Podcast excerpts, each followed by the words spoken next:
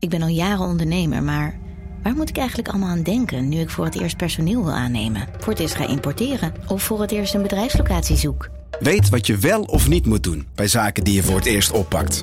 Check kvk.nl voor praktische stappenplannen. KVK, hou vast voor ondernemers. Al 125 jaar kwaliteit voor jou thuis met Miele. Dat vieren we met jou. Ontvang nu tijdelijk een cashback tot 125 euro op veel Miele-apparatuur. Geniet van de kwaliteit van Miele. Voor perfect verzorgd wasgoed en kleding die veel langer mooi blijft. Voor een stralend schone vaat, even perfect als jouw diners. En een stofvrij thuis waarin echt hygiënisch schoon de standaard is. Check miele.nl voor alle feestelijke aanbiedingen. Vanaf de redactie van NRC het verhaal van vandaag. Mijn naam is Thomas Ruip.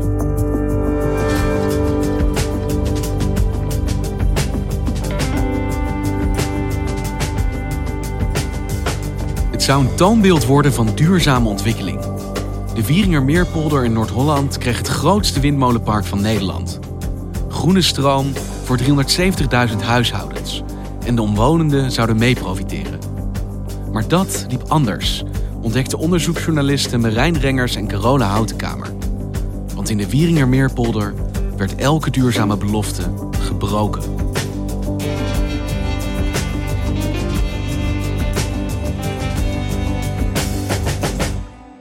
Als je over de snelweg A7 richting de afsluitdijk rijdt, of richting Den Helder, kom je op een gegeven moment in de buurt van Medeblik terecht in de Wieringermeerpolder. De Wieringermeerpolder is een oude polder, maar als je er nu rijdt, weet je niet wat je ziet.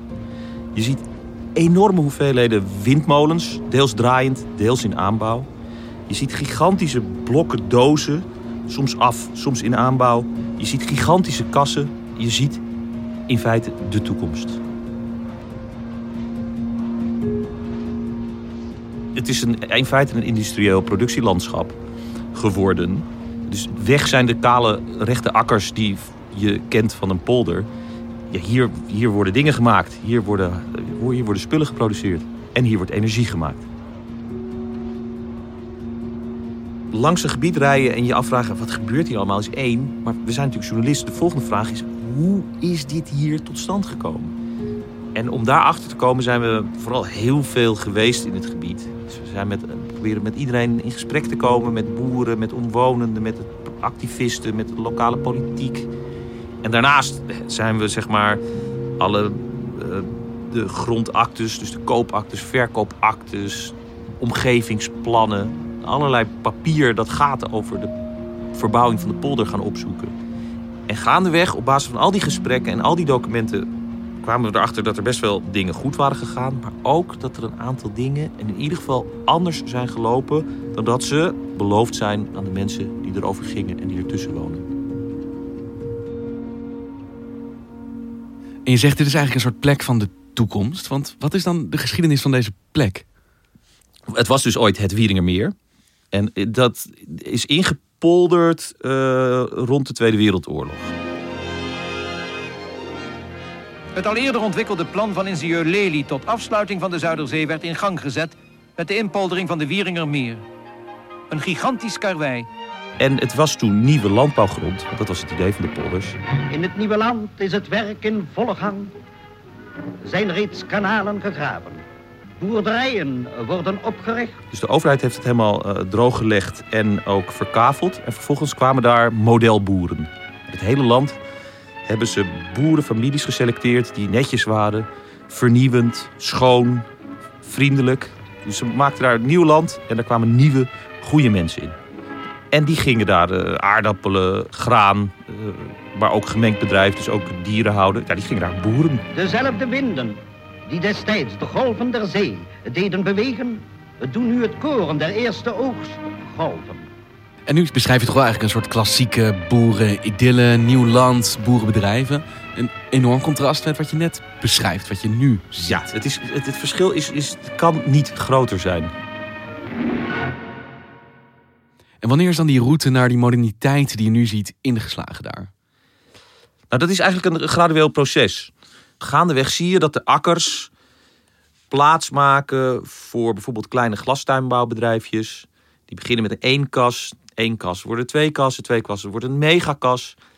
En zo ontstaat er steeds meer schaalgrootte die enorm ingrijpt in het traditionele boerenbedrijf dat daar van oudsher is gevestigd. En wat wordt erin verbouwd? Vooral heel veel paprika's, puntpaprika's. De goedkope puntpaprika's die je bij de supermarkt haalt, komen allemaal uit de Wieringermeer. Maar de grote doorstart, die begint in feite begin jaren negentig. Als een paar boerenpioniers weer kleine windmolentjes op hun erf gaan neerzetten. Met die kleine windmolentjes wekken ze een klein beetje stroom op. En dat gebruiken ze vooral voor hun eigen erf, voor hun eigen boerderij. Vervolgens, in de jaren daarna, uh, ontstaat de vraag naar groene stroom. Windmolens zouden wel eens een oplossing kunnen zijn.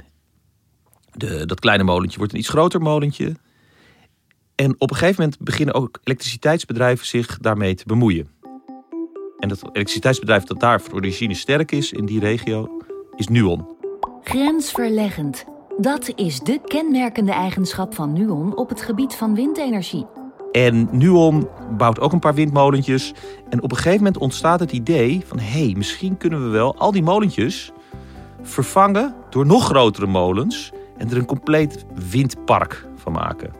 Ook de, de Rijksoverheid denkt op een gegeven moment... ja, wat we nodig hebben is een groot windpark op het land. Daar staat al van alles. Hier gaan we het maken. Hier komt Windpark Wieringenmeer. Hier komt het grootste windpark op land van Nederland. Dit wordt de proeftuin voor de toekomst van de energievoorziening. Energiebedrijf Nuon start volgend jaar met de aanleg van het windpark Wieringenmeer. De Wieringenmeer krijgt met 99 turbines het grootste windmolenpark van Nederland op het vasteland. En wat Nuon doet, is op een gegeven moment bij 32 boeren die zo'n molentje hebben, het recht om dat middelgrote molentje te verbouwen tot een megapaal, koopt Nuon van die boeren. En die krijgen, begrijpen wij, ongeveer 3,3 miljoen euro per boer. En dat gegeven uh, veroorzaakt allerlei uh, scheve gezichten in de polder. Het veroorzaakt ongelijkheid, want de ene boer heeft opeens een veel grotere auto dan de ander. De andere boer heeft het allemaal niet, maar die krijgt wel vlak naast zijn erf een enorme windmolen. Zoals bij Han Lammers in Middenmeer. Hij heeft tot aan Raad van State toe geprobeerd de plannen tegen te houden. Vergeefs, want hij krijgt zes turbines vlak bij zijn huis. Nou, hier uh, op een rij uh, komen, komen zes, uh, zes windmolens op 550 meter van ons huis. De tweede op 600 meter. Nou, het is gewoon één groot drama. Dus de hele egalitaire idee van die polder waar het mee begon... allemaal gezinnen die daar tegelijk beginnen... dat loopt scheef op het moment dat de boer met de windmolen miljonair wordt... en de ander niks krijgt, maar wel moet aankijken tegen diezelfde windmolen. Exact. En dat is heel erg slecht voor de cohesie in de polder. We waren boos en we zijn nog steeds uh, boos. Een hele grote, hele grote nachtmerrie. Nuon is op een gegeven moment overgenomen door, door uh, Vattenfall, het Zweeds staatsenergiebedrijf. De ambitie van Vattenfall is om fossielvrij leven mogelijk te maken binnen één generatie. Daarom realiseren wij een van de grootste windparken op land. Hier in Wieringermeer. En die maakt vervolgens het windpark af. En dan kan de bouw van start gaan. Dan zal Windpark Wieringermeer een groene bijdrage leveren aan ons stroomgebruik. Zodat we kunnen blijven leven zoals we gewend zijn. Maar dan wat duurzamer dan nu. En wat gebeurt er met al die stroom die dan in deze polder wordt opgewekt door die windmolens? Nou, de bedoeling is, en zo wordt het ook verkocht aan Nederland, maar ook aan de omwonenden. Wij gaan groene stroom maken voor jullie, voor de mensen. En die is misschien wat goedkoper, die is groen, die is van jullie. Dus je moet wel aankijken tegen de enorme windmolen. Maar je krijgt er wel goede groene stroom voor terug. Dat moeten ook die boeren dan geruststellen die niet zelf verdienen aan die windmolen, maar er wel tegenaan moeten kijken. In ieder geval worden je stroomkosten daardoor lager. Ja, dat is een belofte. En een andere belofte is dat het allemaal groen is en dat het voor hun is. En wat blijkt nu uit ons onderzoek, dat dat allemaal niet waar is. Want? Want Vattenfall die zeggen wel, ja, het is stroom voor 370.000 huishoudens. Maar opeens is daar een nieuwe speler in de polder. En die sluit een deal met Vattenfall. En die krijgt alle stroom van die windmolens. En dat is. Microsoft. Microsoft vestigt zich met een groot datacentrum in de Wieringermeerpolder, pal naast al die windmolens. En sluit een contract dat zij alle groene stroom die daar wordt opgewekt gaat gebruiken voor het koelen van die tienduizenden computers die daar staan te draaien in een grote loods in de Wieringermeerpolder. Alsof al die molens eigenlijk met een soort van directe grote stekker zo in dat datacentrum worden gestoken. Technisch zit dat uh, wat moeilijker, maar daar komt het in ieder geval op neer. En dit is in ieder geval wat ze communiceren. Er gaan persberichten naar buiten. Microsoft zegt: luister, we zijn een groen computerbedrijf. Wij halen al die stroom. Vatval zegt: we hebben een fantastisch groot klant. En de mensen die daar wonen, die dus de, de, de last hebben van die molens, die, ja, die staan met lege handen.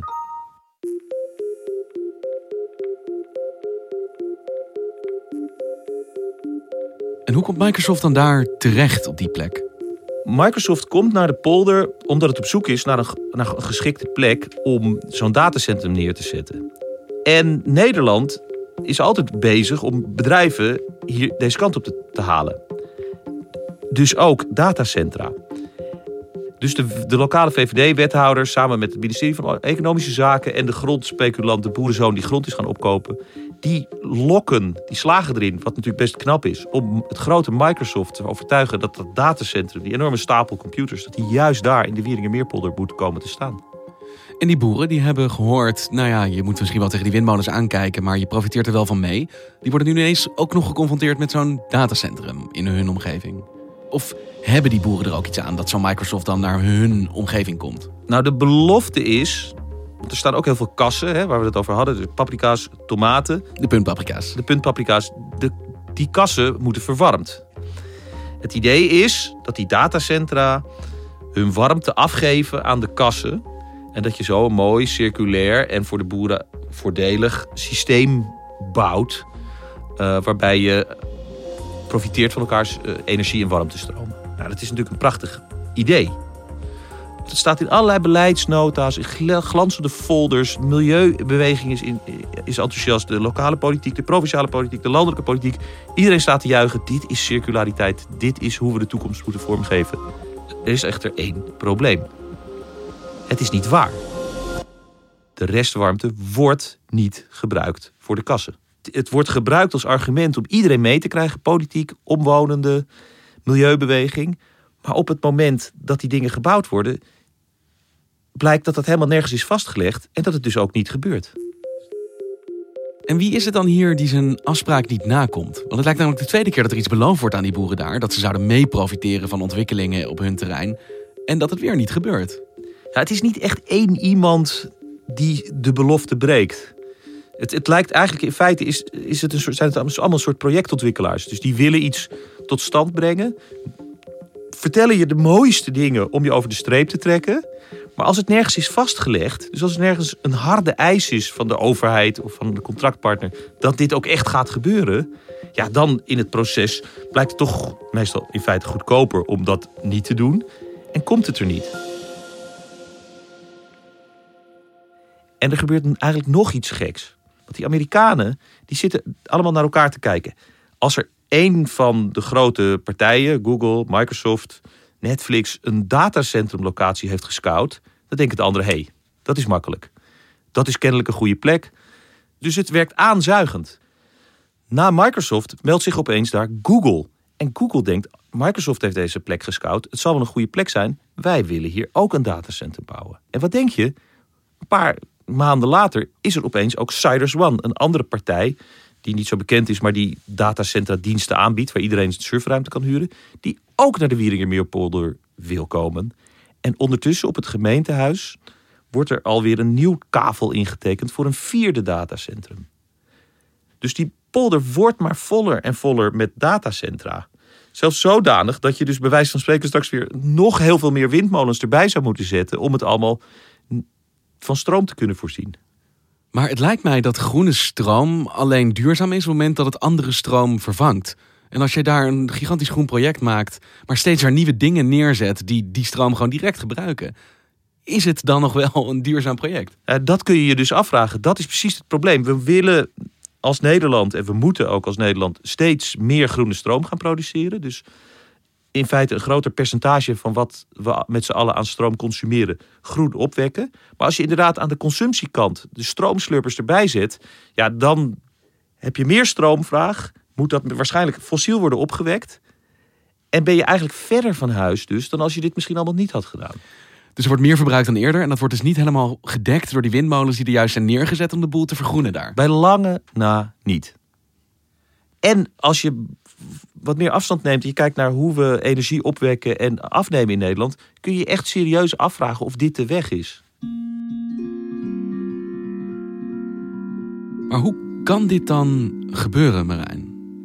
Nou, het is de, de kracht van het geld. Het geld komt binnen. Dus Nuon, later Vattenfall, Microsoft, Google, grondspeculanten. Die brengen allemaal geld mee wat in geen verhouding staat tot het geld wat je kan verdienen met boeren. Het is echt het verschil tussen een paar duizend euro per hectare en soms wel een miljoen per hectare. Is dit niet zo groot dat de gemeente bijna, zo klinkt het voor mij een beetje, geen grip meer heeft op wat er allemaal gebeurt daar in de omgeving? Het is veel te groot voor gemeente Hollands Kroon, zoals die gemeente nu heet, waar de Wieringermeer onder valt. Want het gaat om zoveel geld. Het gaat om zulke landelijke energiestromen, geldstromen en uh, groene stroomvraagstukken. Dat is veel te groot om daarover de besluitvorming over te laten aan een, aan een kleine agrarische gemeente in de kop van Noord-Holland. En wat hier in deze polder gebeurt, gebeurt het op meer plekken in Nederland?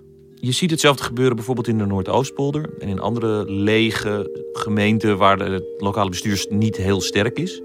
Maar misschien is de beste vergelijking wel Groningen. Ook daar zijn de grote voordelen van het aardgas dat daar gevonden is, die zijn beland bij de Nederlandse staat, bij de NAM, bij, olie, bij gasbedrijven. En ook bij een aantal boeren die daar enorm van geprofiteerd hebben. Maar alle mensen die daar woonden, die hebben er alleen maar last van gehad. Die kregen de aardbeving, die kregen de waardedalingen van hun huizen. Precies dat is wat je ook ziet gebeuren in de Wieringermeer. Het wordt een soort wingewest voor de, grote bedrijven, de grote steden verderop. En de mensen die er wonen, die moeten dat maar allemaal slikken.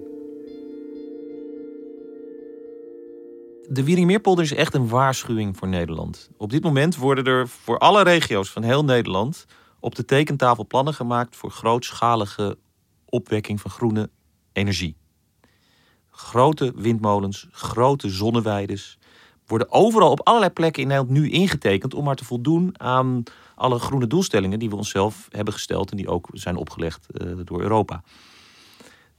Als we dat op deze manier aanpakken, als het zo gaat als het in de Wieringermeerpolder gaat, dan ontstaan er enorm veel problemen. Daar ben ik van overtuigd.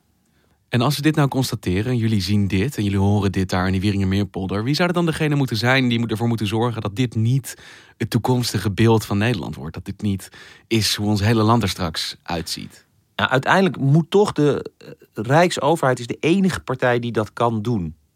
Die is als enige gaat die over het hele land en over alles, over de bedrijven, over stroomproductie, over ruimtelijke ordening. Maar de Rijksoverheid is weg. Die heeft de ruimtelijke ordening, die heeft al dit soort dingen gedecentraliseerd naar de lagere overheden. Om te kunnen zeggen, ja, wij sturen alleen op hoofdlijnen.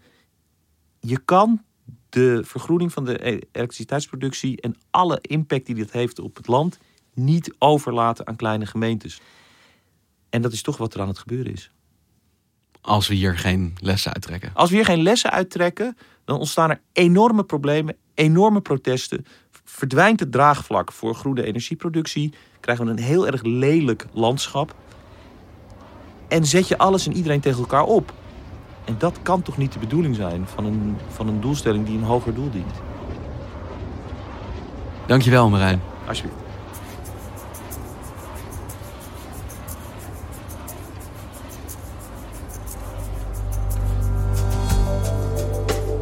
Je luisterde naar vandaag, een podcast van NRC. Eén verhaal, elke dag. Dit was vandaag. Morgen weer.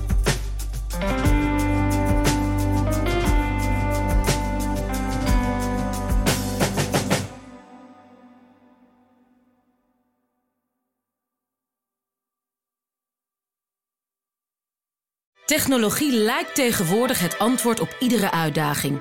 Bij PwC zien we dit anders. Als we de potentie van technologie willen benutten, kunnen we niet zonder een menselijk perspectief. Human-led, tech-powered noemen we dat. Ga naar pwc.nl.